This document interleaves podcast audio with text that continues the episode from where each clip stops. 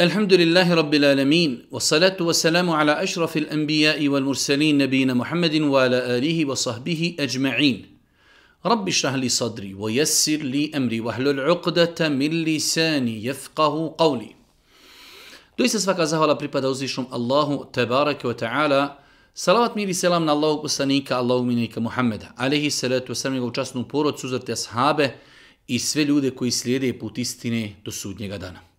Uvažena braću i poštovane sestre, uvaženi gledatelji, evo nas u još jednoj emisiji u kojoj se družimo sa vašim pitanjima i vašim dilemama. Ako smo dobro brojali, ovo je naša 116. emisija u kojoj, evo već e, više od godinu dana, odgovaramo na vaša pitanja koja pristižu na naš e-mail.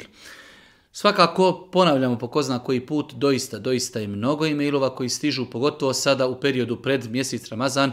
E, intenzivirano je slanje e, pitanja na naš e-mail. E, mi u granicama naše mogućnosti dosta e, odgovora pošaljemo direktno ljudima. Odgovor kratak, da, ne, može, ne može, treba, ne treba na e-mail, a evo određena pitanja odgovorimo i u ovim našim emisijama. Večerašnje prvo pitanje. Već dugi niz godina imam problema sa nekontrolisanim mokraći. Slušao sam klip gdje kažete da je veliki grijeh ako čovjek izgubi abdest u toku namaza i nastavi klanjati. To se meni zna desiti i tako dalje. U svakom slučaju, e, dosta puta ljudi slušaju određena pitanja i ne razumiju ih potpuno. Mi smo kazali kada je u pitanju gubljenje abdesta u namazu da je veliki grijeh nastaviti klanjati u pitanju je zdrava osoba. Čovjek može kontrolisati mokraću, može kontrolisati vjetrove, ali desilo mu je se da je izgubio abdest u namazu. Takva osoba, zabranjeno joj je da nastavi klanjati namaz, mora znači prekinuti namaz. Za razliku od osobe koja ima problema sa nekontroliranjem E, isticanja mokraći, ne možemo to i reći osobi da je griješna. Zašto? Zato što ona ne može utjecati na kontrolisanje mokraći. Mi smo kazali da osobe koje ne mogu kontrolisati mokraću ili e, vjetrove ili žena ne može kontrolisati krvarinje i tako dalje, da se te osobe zovu u islamu sahibi el udhr, osoba koja ima validno opravdanje i rekli smo da se dijeli u dvije kategorije. Imamo osobe koje imaju periodično period kada ne mogu kontrolisati tipa mokraću ili, ili nešto slično tome, tada smo rekli da u takvim slučajima kao osoba koja mokri i 15-20 minuta ili pola sata ima problema sa isticanjem mokraći, nakon toga sve u redu. Za takve osobe kažemo moraju sačekati i nakon toga uzeti abdest, očistiti se, uzeti abdest i klanjati. Za razliku od osoba koji imaju kontinuirano problem sa mokraćom ili vjetrovima ili žene sa krvlju, tada smo kazali kada nastupi namasko vrijeme, oni će se očistiti, zaštititi i klanjati.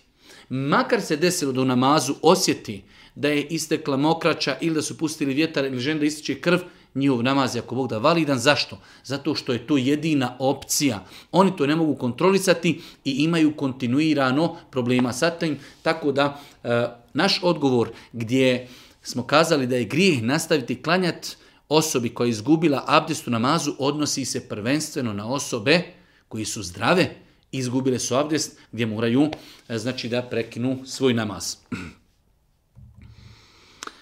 Htjela bih vas pitati da li je trgovina dozvoljena u islamu, u kojim slučajevima je dozvoljena i da li je dozvoljeno trgovati E, na i na umri, da čovjek nešto kupi, na i na umri, da to donese i da priprodaje e, u državi gdje živi.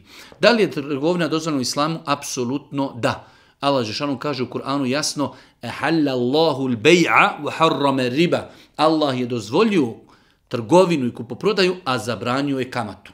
Imamo više vjerodostojnih hadisa u kojima Allah poslanik u govornoj formi potvrđuje dozvolu e, trgovini, a i praktično imamo desetine hadisa gdje je Boži poslanik trgovao ili je gledao ljude kako trguju, sve to je odobravao. Tako da je trgovina u islamu dozvoljena, svakako postoje pravila kada je trgovina dozvoljena, kada se trguje sa onim što je dozvoljeno, kada trguju dvije osobe koje su uračunljive, i znači poznata je roba, poznata je cijena, nema nikakve prevare, ugovornici su kompetentni, vlasnici su robi, sve su to neki uvjeti, ali generalno u islamu trgovina je dozvoljena najbitniji, najbitniji moment jeste da se trguje sa onim što je dozvoljeno.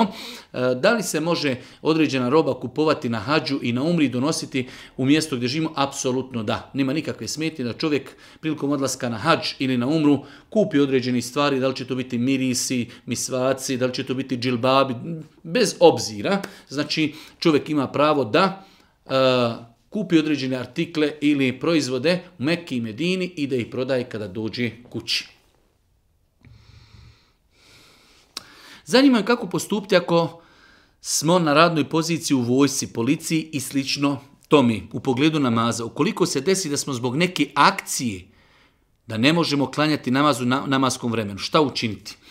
U svakom slučaju, svaki posao čovjek bi trebao da se maksimalno potrudi da namaz klanja u namasko vrijeme. Ali imaju određene vanredne situacije kao prilika, primjer čovjeka koji je doktor i njegova operacija će trajati 6 ili 7 sahata, gdje jednostavno e, da bi spasio ljudski život proći ćemo namasko vrijeme. U takvim situacijama mi kažemo čovjeku da e, spoji namaze podni će spojiti sa ikindijom, akšan će spojiti sa jacijom i u slučaju da je čovjek policajac, imaju e, kriminalca, u pitanju ljudski život, e, spašavaju određenu osobu gdje jednostavno nemoguće je, nemoguće je da čovjek e, obavi namaz u namaskom vremenu, tada će čovjek znači bojati se Boga onoliko koliko može, spojit će namaze, Allah poslanik kao što je došlo u hadisu, kada je bila bitka na Hendeku, toliko su bili okupirani bitkom da, da su znači i Kindiju namaz propustili, klanjali su i nakon Akšama. Ali su to iznimne situacije, ne može se to da kažemo svaki dan ću tako klanjati. To je već problem, treba mijenjati radno mjesto. Ali da se to desi jednom u godini, dva puta u godini ili jednom u tri godine, to su te neke situacije ako čovjek ima potrebu da spoji namaze. E, pitanje broj četiri. Jedan od prijatelja mi je došao i pročitao hadis. Hadis koji glasi, rekao je Hazreti Alija, opisujući ashabe, kada bi spominjali Allaha, ashabi kada bi spominjali Allaha, njihali su se, kao što se njiše drvo kada puše jak vjetar. Pa je ovdje spomenuo, kao ko prenosi sve tu predaju, Ebu, nu, Ebu Nuaym u Hiljetu, Hafsibnu ibn u Bidajeve Nihaje i tako dalje.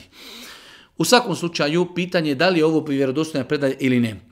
Prva stvar greška je kazati za govora sahaba da je to hadis. Hadis je ono što je kazao Boži poslanik, ovdje se jasno kaže Alija radijallahu ta'alanu je govorio, Alija je govorio, Ashabi Božijeg poslanika kada bi spominjala Allaha njihali bi se kao što se drvo njiše na vjetru. To je prva stvar, greška je kazati za riječi Alije da su hadis. Nije ovo hadis jer Alija nije rekao, rekao je poslanik. Ne, on kaže, njemu se odnosno pripisuje to. Pa je to govor ashaba, samim tim, znači, to nije dokaz. Druga stvar, ova predaja, e, znači Ših Albani Rahmetullahi Alihi u jednoj od svojih knjiga e, koja se zove Silsiletul Ahadith As-Sahiha, treći tom, stranica 307, kaže وَهَذَا إِسْنَادٌ ضَعِيفٌ مُظْلِمٌ ova predaja je zabilježena sa daif hadisom i koji je muvlim. Sav je u nekom mraku, pun je nekog zuluma, e, pun je nekog e, valmeta, pun je nekog mraka i tami. Jednostavno, toliko je nejasnoće u tom lancu prenosilaca da se Ali pripisuje ovakva predaja. Tako da, ne treba se nešto mnogo, mnogo hvatati za ovakve predaje. Ovakve predaje najviše vole ljudi citirati kako bi opravdali određene svoje postupke u načinu e, veličanja Allaha, zikrullaha, što apsolutno nema nikakvog utemeljenja u islamu. Boži poslanik Ali letu Selam je taj koji nam je pojasnio kako da dovimo, kako da zikrimo, kako da klanjamo. Nigdje nije spomenuto ni u kakvom hadisu da se Allah poslanik njihao, da se okretao, da se e, znači probadao iglama i tako dalje. Sve su to novotarije koje nemaju sa vjerom ništa. Znači predaja koja se pripisuje ali nije hadis, to je predaja koja se njemu pripisuje lanac prenosilaca, kao što kaže definitivno jedan od najvećih hadijskih eksperata ovog vremena, šeh Mohamed Nasruddin Albani u svojoj knjizi e, Silsiletul Ahadith Es Sahiha, E, u trećem tomu 307. stranica kaže ova predaja je prenesena sa daif lancem prenosilaca koji je sav muvlim pun nekog mraka i nejasnoći. Pitanje broj 5. Da li je dozvoljno spajati namaze djeci koja su u periodu od 3 do 9, e, od 9 do 13 godina ako su u školi? U svakom slučaju dijete prije punoljetstva, znači prema se njemu može biti u datom momentu tolerantnije. Zašto? Zato što smo kazali, pravilo je da djeca e, znači nakon punoljetstva počinju da im se pišu e, i dobra djela i loša djela, a prije punoljetstva im se pišu samo dobra djela. Tako da e, ako dijete u datom momentu maloljetno je, i ne može klanjati namaze pa da mu se kaže dobro evo spoji ali potrudi se da u školi klanjaš da to bude znači jednostavno privikavanje djeteta da klanja redovno namaz ako Bog da nadamo se da to nije problem ali svakako djetetu treba pojasniti da mu se kaže ti još nisi punoljetan ovo ti možeš raditi u ovim nekim periodima ali kada postaneš punoljetan moraš obavljati namaz u namaskom vremenu i treba dijete učiti od malena da se u školi bori za sebi za svoj namaz jednostavno se uči i da roditelji idu i da traži od direktora i od nadležnih od organa da dijete ima mjesto, prostoriju gdje može obavljati namaz, ali eto, ako bi bile neke situacije da dijete ponekada spoji namaze iz potrebe, a dijete nije punoljetno, ako Bog da nadam se da to nije problem.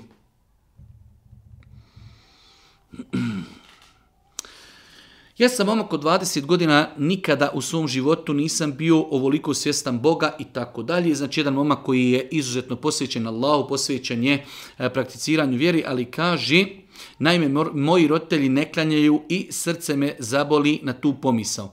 Ružno je reći, ali su jako tvrdoglavi i nemaju neko znanje o vjeri. Mene nazivaju vehabijom jer puštam bradu i tako dalje. Kako se opotipi na takvim roditeljima? Čovjek treba da zna da roditelji dosta puta reaguju pogrešno e, iz dobre namjeri. Oni reaguju pogrešno, to je greška, ali iz dobre namjeri. Tako da e, s roditeljima se ne treba svađati, ne treba se raspravljati i treba im dobročinstvom i praksom pokazati islam. To su pravila e, koja su najbitnija pravila vezana za naše obhođenje prema roditeljima. Nikako se svađati, nikako se raspravljati, jer mi smo narod balkansko podneblje, koji ne znamo raspravljati. U nas je odmah psovka, povisivanje tona, ja sam uvijek u pravu i to je to. Tako da mi nemamo pravila. Ako hoćemo s nekim razgovarati, moramo se e, dogovoriti šta su pravila našeg razgovora i diskusije. Dobro, na šta se pozivamo? Jel se pozivamo, ja ovako mislim i mora tako biti? Nemamo onda šta razgovarati ali ako su nam, kaže, aha, hajmo se pozvati na knjigu, na Kur'an, na sunnet, na dokaz, na govor učenjaka, ako nemamo na što se pozivati, nemamo šta onda razgovarati. Tako da, nema svađe, nema diskusije, jer nisu kompetentni da diskutuju, što više dobročinstva i što više praktično im pokazati islam u praksi. Svakako u sve to doviti Allahu Đelšanhu, doviti Allahu da ih uputi i kada vrijeme i, prostor, do, vrijeme i prostor dopušta, kada su raspoloženi, na lijep način ih pozivati i savjetovati. Sedmo pitanje. Imam 17 godina, imam zaručnika koji ima 23 godine. Moji roditelji ne dozvoljavaju da se udam dok ne završim školu. Ja bih voljela da se udam odmah, a školu bi nastavila i tako dalje. Da li ispravno se udam bez dozvoli roditelja? Ovdje imamo nekoliko pitanja, eh, da kažemo, udrobljenih zajedno. Djevojka od 17 godina žela da se uda, njeni roditelji dozvoljavaju dok završi školu. Eh, greška je, greška je zabranjivati djetetu koje ima želju i ima potrebu. Danas velik broj omladinki i omladinaca eh, seksualno i intimno sazrijeva mnogo brže nego što su to nekada sazrijevali e, ljudi u prijašnjim generacijama. Jednostavno sada je toliko razgoličenost, toliko filmova, toliko serija, toliko, toliko tog okruženja koje djeluje na naše mladince da oni seksualno i, i, znači e, spolno brže sazrijevaju imaju potrebu za drugim spolom, tako da ako se vidi da dijete, bilo muško ili žensko, ima potrebu za brakom, greška je, čak kažu učenjaci, haram je spriječiti dijete da se udaje ako dijete ima potrebu za brakom. E sada ovdje imamo problem što e, većina zakona u državama e, u kojima se mi nalazimo e, ne dozvoljavaju da se dijete prije 18. godine uda bez saglasnosti roditelja. Tako da ja preporučujem ovdje da se znači u, u islamu bi bilo ako roditelj sprečava dijete od udaji a nema validan razlog za to, u toj situaciji e, starateljstvo roditelja prelazi na nekog drugog. Jer taj roditelj i taj staratelj ne gleda korist svoga djeteta. On gleda šta će narod kazati što je se dijete udalo u 17. godini, što je katastrofalno. Ali imamo ovdje jedan drugi problem, a to je e, znači zakonski e, zakon u državama u kojima većina nas živi, ne dozvoljava se dijete e, uda prije 18. godine osim u saglasnost svojih roditelja, tako da ono što bi ja preporučio jeste razgovor, pokušaj da se roditelji udobrovolji i da prihvati, i da prihvati brak. Ako ne, onda čekati 18 godina dijete kada postane tada punoljetno može donositi odluke. Svakako ne može se nikako u islamu brak sklopiti osim sa starateljem. Tako da ako roditelj to dozvoli i dopusti, treba to svakako i privati. Ako ne dopusti nakon 18. godine, a dijete ima potrebu, želi da se uda, onda starateljstvo prelazi na nekog drugog. Jedno malo duže pitanje, ali e, rezime pitanja, dijete, muško, živi sa, svojim, sa svojom majkom i očuhom. Znači čovjek koji je oženio njegovu majku, živi sa njim i on se oženio. Da li njegova supruga može biti odgrivena pred njegovim e, očuhom? Apsolutno ne. Njegova supruga nema ništa sa njegovim očuhom. Znači imamo dijete, odraslo sa svojom majkom, njegova majka se udala. Taj čovjek je njemu očuh. On se oženio, Njegova žena nema sa njegovim očuhom nikakvu vezu, ni krvnu, ni tazbinsku, ni mliječu, ništa. Tako da, znači, ako žive u da situaciji gdje taj čovjek može vidjeti tu njegovu ženu, ona treba da bude pred njim, znači šerijetski pokrivena, ne smije pred njim izlaziti bez mahrami.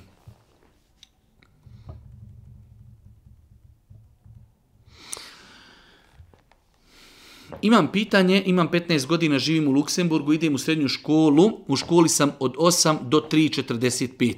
Htio sam e, da opet počnem da klanjam i tako dalje, ali je problem znači standardno e, podne i kindija. E, da li se takvi namazi mogu naklanjati? Ja sam stava da se namaz, znači ako čovjek kaže ja imam 15 godina, to znači da je u islamu punoljetan. Punoljetna osoba mora namaze klanjati u namasko vrijeme. Znači u vremenu od kad nastupi podnije 12 sati pa do 3 mora se naći nekih 5 minuta da dijete se izbori za neku kancelariju ili neki dio škole gdje ga niko neće smetati i da klanja samo farze. Znači namazi se moraju klanjati u namaskom vremenu. Svakako roditelj treba da pomognu djeci, treba da se djeca izbori, da traži od znači nadležnih organa, od direktora ili drugi, da traži prostoriju gdje će dijete u periodima između časova na znači na odmorima obaviti namaze.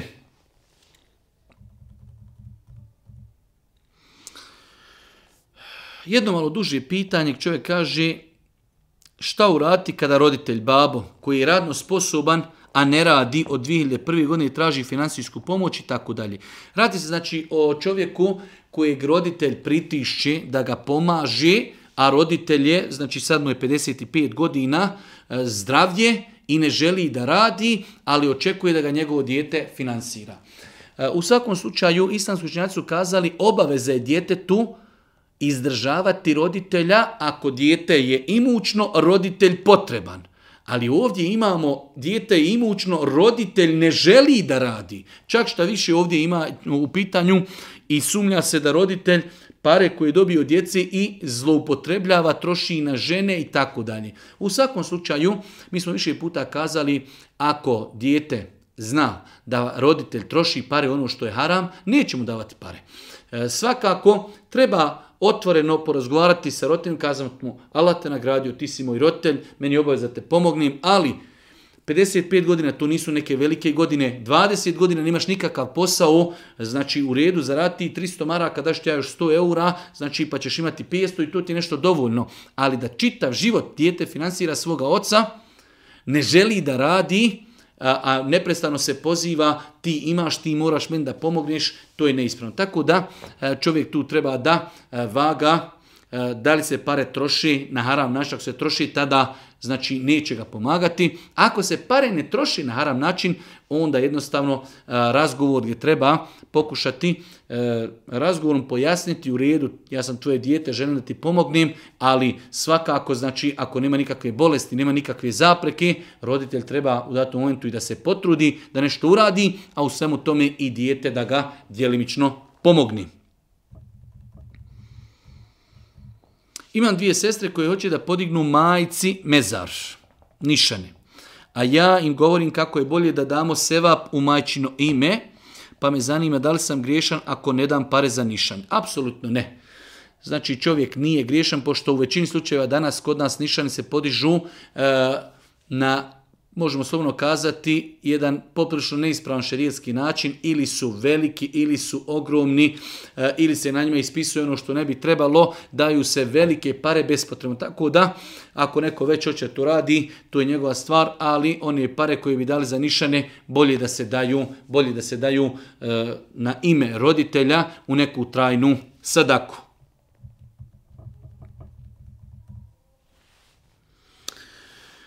Dobio sam sina i želio bi da napravim jedan ručak sa mojim najbližim i mevlud isti taj dan. Da li je to ispravno?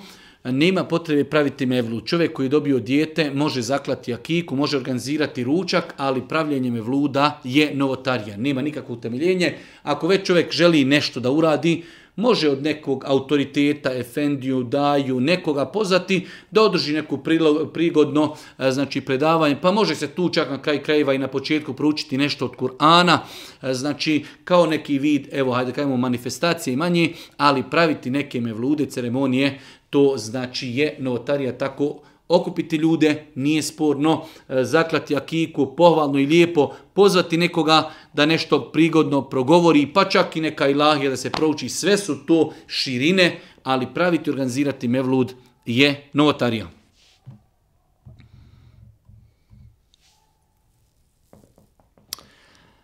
pitanje malo duže, a to je pitanje naših mladinaca koji dosta puta urede, urade određen grijeh, pa se pokaju, pa se vrati. Najviše puta su iskušani sa onanisanjem ili konzumiranjem duhana, nargile i tako dalje. Jednostavno ostave, pa i društvo pozove, pa ostave, pa se pokaju ili padnu u grijeh onanisanja pa se vrate, pa se pokaju i tako dalje. Što u takvim situacijama raditi? E, svakako to nije poigravanje, ali e, insan ako se desi da je pao ponovo grije, ništa mu drugo ne ostaje osim teuba i pokajanje. Teuba i pokajanje da bi bili primljeni kod Allah treba da budu iskreno, znači iskrena odluka da se čovjek nikad više tom grijehu neće vratiti. Ali ako ga šetan savlada, ovo nikako ne znači odobravanje, ali je to stvarnost da šeta neke ljude koji jednostavno određen grijeh su radili dugo vremena, jednostavno opet ih pozove, uradi. Šta ćemo im reći? Imamo ovdje im kažemo prestani, pokaj se, moli Allah ti oprosti ustraju u grijehu. Svakako da je bolje da, da im kažemo pokaj se, vrati se, pa ako se desi, čvrsto odluči da nećeš uraditi taj više grijeh nikad, ali ako se desi da si uradio, opet se pokaj i moliti Allah da insana i obaspe oprostom, a i da ga učvrsti na putu istine da ne čini više taj grijeh.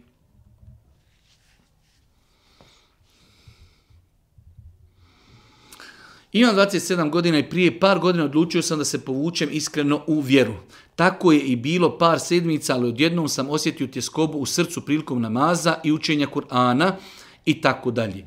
E, nerijetko se dešava da nam se ljudi javljaju kada krenu da praktikuju određene stvari, da li u pitanju hijab kod ženi, namaz, ostavljanje grijeha i tako dalje, učenje Kur'ana, gdje ljudi jednostavno osjete određenu uznemirjenost i onda ih to odma, hajde da kažemo, zastraši. E, to je normalna reakcija e, šetan jednostavno ne želi da se lahko pomiri, evo ode mi jedan moj igrač ti si godinama igrao sa šetanom njegove igre i u jednom momentu kažeš ne, više neću, idem. Nemoj da misliš on kaže, eh dobro, Allah te nagradio što ode. Svakako da će doći, došaptavat će ti, uznemiravat će te, e, bit ćeš možda i uznemiren, e, velik broj ljudi ima problema nakon toga sa došaptavanjem imaš li siher, nemaš li siher, ima li Bog, nema li Bog, je li Islam istina, nije li Islam istina, je li poslanik bio, e, donosio istinu ili nije. To su šetanova došaptavanja gdje želi samo da te uznemiri i želi da te vrati u svoju ekipu. Tako da insan treba da bude svjestan onog momenta kada se pokaje, da će definitivno u datom momentu doživjeti određena uznemiravanja, došaptavanja, nelagode, ali treba da ustraje, da se strpi, da to maksimalno ignoriše, ako Bog da u kratkom periodu to će, ako Bog da proći. 16. pitanje, jedno poduže pitanje, odnosi se na ramazanski vozić. E, postala je praksa u zadnje vrijeme u više bosansko-hercegovačkih gradova da ljudi prije Ramazana organizuju dječicu u kojoj oni eto nešto napravi taj neki ramazanski vozić, prođu kroz grad i tako dalje. Da li je to po islamu zabranjeno ili nije? U svakom slučaju, e, sve dok se to ne uzima kao zaseban ibadet. Ja koliko znam, većinom je to vid iskazivanja radosti povodom Ramazana. S druge strane, to je vid e, atrakcije za djecu. Evo, djeca su prošla kroz čaršiju da se vidi da imamo još djeci i mejtev, i teravije i neki pokloni. Tako da e, osnova je da su to stvari dozvoljene, nisu to i badet. Niko nije kazao, e sad ko bude u, e, u ovom voziću, on ima neki sevap i tako dalje. To su, to su hajde da kažemo, i običaji, nisu badeti. i sve dok u tim običajima nema ništa što je zabranjeno, Inšala da je dozvoljeno to organizirati, s tim što treba paziti da to ne preraste u nešto što je neispravno i zabranjeno. Treba paziti e, jer e, kroz istoriju se pokazalo da u datom momentu određeni postupci ljudi u početku i ne budu sporni, ali onda kako vrijeme dolazi počinju se ti e, postupci znači dizati na level i nivo da je to badet i tako dalje ako budu stvari išle u tom pravcu, onda treba znači dobro razmisliti da li to organizirati ili ne. Ali ako se radi samo o iskazivanju radosti, e, defileu, da djeca prođu kroz čaršiju, da se pokaže hvala Allahu, imamo djeci, djeca su radosna, podijelit ćemo i neke poklone, djeca žele da poste, uz u pomoć ne vidim u tome sad za sad ništa sporno. povodom teravije u našim mešćidu nakon farz namaza se ne obavlja zikr. Znači standardno, ko što kod nas u većini džamija klanjaju se farzi i odmah se klanjaju sunneti, nakon toga teravija. E sada, e, osobe koje zikri nakon farza, kada će klanjati sunnete? Pitanje, znači osoba koja zikri poslije farza, kada će klanjati sunnete? Imamo opciju, ako može, da skrati taj svoj neki zikr i da klanja sunnete odmah. U većini slučajeva to je nemoguće, E, druga opcija je da se ti sunneti klanjaju nakon teravije i treća je opcija da prva dva rekiata teravije mi nije timo da klanjamo za imamom, ali klanjamo dva rekiata e, znači e, sunneta jacijski. Imamo tri opcije. Osoba koja klanja farze jacijske i nakon farza zikri, a džemat ne zikri tada i on će klanjati dva rekiata i počinu sa teravijom, Kažemo mu, takvoj osobi, možeš malo skratiti taj zvoj zikr i ustat klanjati dva rekiata malo kraća. Ako kaže ne mogu stić jer oni onako i onako klanjaju dva kratka rekiata, onda kažemo imaš dvije opcije ili klanjaj te sunnete nakon teravije. Kad završiš teraviju, Allahu ekber, dva rekiata, u srcu nije tim, to su mi jacijski sunneti. Ili prva dva rekiata, te, rekata teravije nije timo Allahu ekber, znači u džamijama gdje se klanja dva po dva, prva dva rekiata nije timo, e ovo su moji jacijski sunneti, predamo zajedno sa imamom eh, selam, ustajemo na treći, kad ustanemo na trećem četvrtu, odnosno ponovo prvi i drugi rekiat, e, od tada počinjemo sa teravijom. Nadam se, inšala, da je odgovor jasan. Malo duže pitanje, radi se o čovjeku i ženi koji žive izvan Bosne, čovjekovi roditelji su ustituirani, ženini roditelji i ne toliko.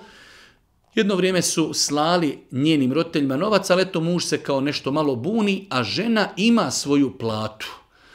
E, da li žena ima pravo da od svoga novca pošle svojim roditeljima? Apsolutno da.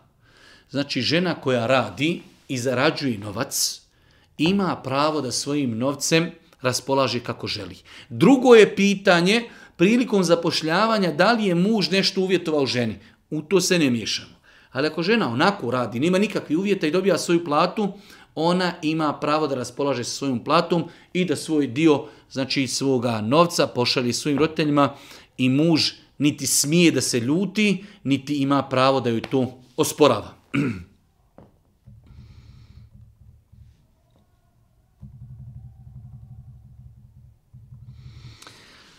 Kaže, svake godine u augustu moja familija organizira feštu, skup naše familiji. Super je ideja da nije problema što na fešti bude alkohola i muzike. Sad sam mislio ove godine da im pomognem u organiziranju, postavljanju stolica i šatora, a sam ja neću pristovati zbog harama. Da li je to ispravno? Apsolutno ne. Organizuje se fešta, na toj fešti ima muzike, ima alkohola. I čovjek kaže, neću ići ali idem, ja ću pomoći razapinjati šatore, stavljati stolce, ali ja neću biti na manifestaciji. Mi smo njima omogućili da se oni proslavljaju na haram način.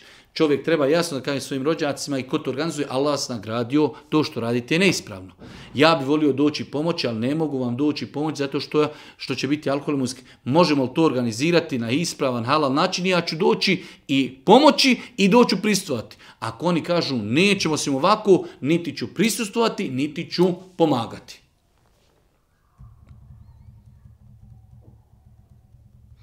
Jedno baš duže pitanje, radi se o osobi iz Europe gdje kaže, dobro, čovjek se oženi i ima primanja 2000 eura i njegova žena radi i ona ima 2000 eura, ali kao e, možemo razumjeti da je čovjek obaveza da izdržava ženu ako žena ne radi. Ako žena radi, kao i ženi je obaveza da pomaže u finansiranju određenih potrebština, što nije tačno. Žena u osnovi, ako radi, to je njen novac. Mužu je obaveza da obezbijedi stan i hranu i sve ono što je potrebno braku. E sad, može muž uvjetovati svoj ženi, jer osnova je da žena treba da bude kod kući, da pomaže, e, znači e, da odgaja djecu i da kada čovjek dođe iz posla, da bude e, spremna hrana, da su djeca smirena, da je ona lijepo sređena za svog čovjeka. To su temelji. E sad, žena kaže i ja bi radila, muž ima pravo da kaže u redu, radit ćeš, ali imat ćemo, imat ćemo e, nedostatak, nedostaješ nam u kući, kuća neće biti porađena, neće biti hrani, moramo to nadomjestiti, pa ako je tvoja plata 2000 eura i ti ćeš sa svojim imetkom učestvovati 500 eura ili 1000 eura e, u plaćanju potrebština kući. Ako žena to privati, tada joj to obaveza. Ali ako se ništa ne dogovori, njena plata je njena plata, on, muškarac, njemu je obaveza da finansira sve troškove vezane za njihovu. Znači šta je obaveza? Stanovanje, hrana i odjeća. To su stvari koje je čovjek muškarcu obaveza da obezbijedi svojoj porodici.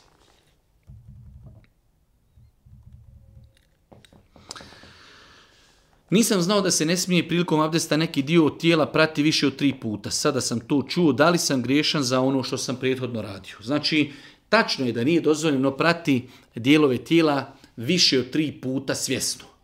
Znači čovjek kaže, e, jednom, e, dva put, tri puta, ma idem još jednom ili idem još dva To je neispravno i zabranjeno. Boži poslanik je zabranio da se peri e, znači, bilo koji organ e, tijela prilikom abdesta više od tri puta ali neko je to radio iz neznanja.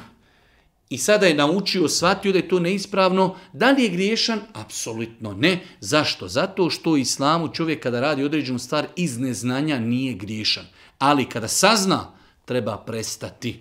To je znači rješenje. 24. pitanje. Pitanje e, se stara šta one mogu raditi u toku Ramazana kada su u mjesečnici. Žena kada je u mjesečnici ne posti i ne klanja.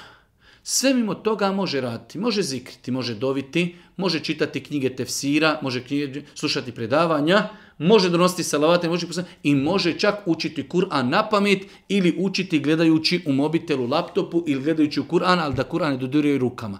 Znači žena kada je Ramazan, a ima mjesečnicu, neće postiti, apsolutno, i kada je postila post je neispravan, i neće klanjati. I kada bi klanjala klanjanje neispravno.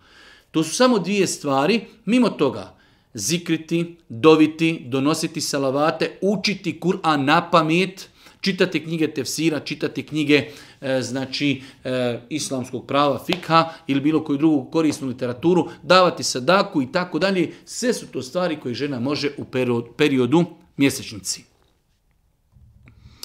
Da li je dozvoljeno da ja kao inženjer projektujem bilo koji dio objekta, a koji se projektuje, gradi sa najinom da se u njemu radi neki vid harama i tako dalje. Proizvodnja alkohola i tako dalje. U svakom slučaju, ako čovjek sigurno zna da zgrada koja se projektuje se sigurno koristi u svrhe koji su zabranjeni šerijatom i islamom, ne može učestvovati projektovanjem, jer je tu ipak pomaganje toga.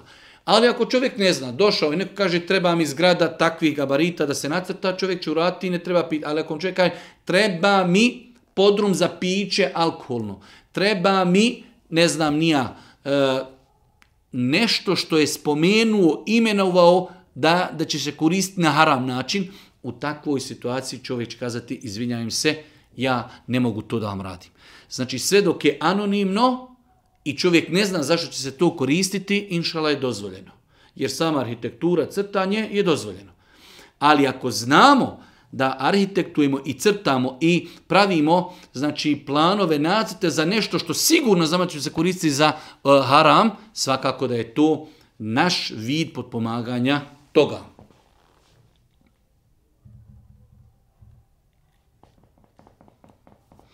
Duže malo pitanje, ali na kraju pitanja kaže da li je meni haram da osobi pozajmim novac koja je nekada se bavila kockom, ali je se pokajala od toga, sada želi da vrati te dugove, da li joj mi možemo dati u zajam.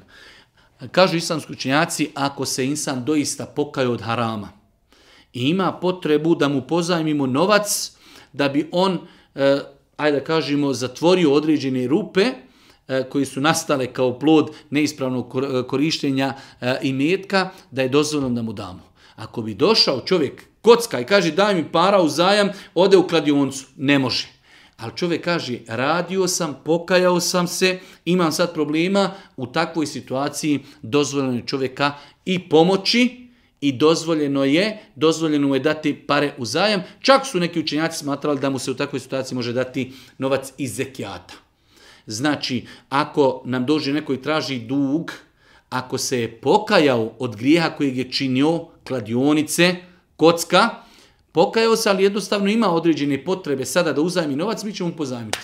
Ako čovjek se nije pokajao i dalje u tim belajima, Allah te nagradio, tražnjeđe drugo, ne možemo ti pomoći, jer te mi na taj način pomažemo i odbravamo ti činjenje griha.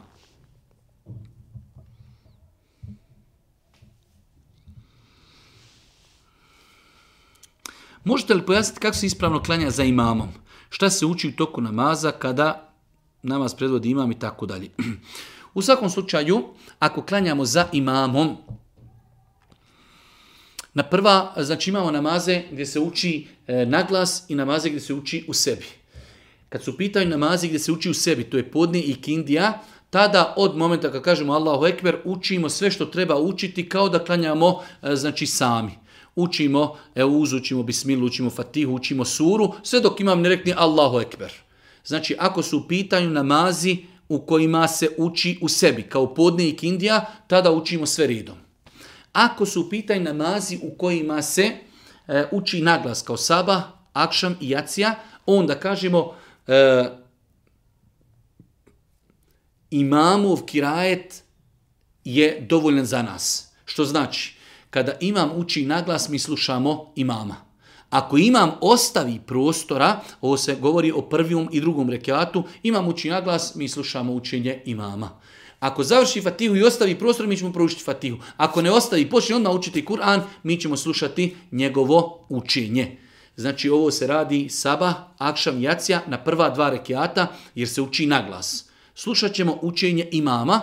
Na trećem na akšamu ili trećem i četvrtom na jaciji, mi učimo svakako u sebi fatihu, jer i imam na trećem i četvrtom rekiatu uči u sebi fatihu. Znači imamo namaze u kojima učimo u sebi, to su podne i kindija, učimo se redom. Sabah, akšam i jacija to su namazi u kojima se uči na glas, na prvom i drugom rekiatu gdje imam uči na glas, mi slušamo njegov kirajet. Ako nam ostavi prostora, mi ćemo proučiti fatihu. Ako ne ostavi, ako Bog da, njegov kirajt je dovoljan. Na trećim ili trećim ili četvrtom rekiatu mi učimo svakako fatihu. Živim i radim u Austriji gdje sam i kupio kuću. Kuća je kupljena na kredit kamatni u vrijeme kada nisam puno znao o islamu, niti sam praktikovao vjeru. Sada sam se pokajao šta da radim. U svakom slučaju, islamski učenjaci doba su kazali da čovjek koji je uradio takvu stvar, mi to ne opravdavamo, uzeti kuću na kamatni kredit je haram, zabranjeno. Ali čovjek uradio u neznanju. Bio u to svi uzimaju, uzimam i ja, nakon toga sluša, čita, vrati se vjeri, počne klanjati, žena počne nositi mahramu, kaže pa mi smo to uradili na haram način. Šta u takvoj situaciji uraditi? Allah najbolje zna, potruditi se maksimalno se što prija vrati dug, a obaveza e, prodavanja kuće, znači nije obaveza čovjek proda tu kuću u viši e, fetava savremenog doba, islamski učenjaci su dali odgovore da osoba koja je uzela kamatni kredit nije znala, pokajala se, ostaje da požuli da vrati dug, a kuću ima pravo ako Bog da, da koristi. 30. pitanje, da li je halal i dozvoljno tražiti od firmi oštetu koja nam je učinila nepravdu nekom od svojih radnika. Svakako, u islamu postoji jedno veliko pravilo zasnovano hadis hadisu Božijeg poslanika koji kaže la darara wa dirara, nema šteti niti nanošenja šteti. U islamu niti mi možemo nanositi sebi štetu, niti možemo nanositi drugim ljudima štetu. Ako je nas neko zakinuo kao pojedinac, mi ćemo tražiti svoje pravo od pojedinca. Ali ako nas je zakinula neka kompanija, zakinula nas firma gdje smo radili, svakako da imamo pravo tražiti svoja prava, bez obzira što je to, e, znači nije to pojedinac. Radi se o kompaniji, ali ako smo mi sigurno zakinuti, imamo pravo da tražimo ono gdje smo zakinuti.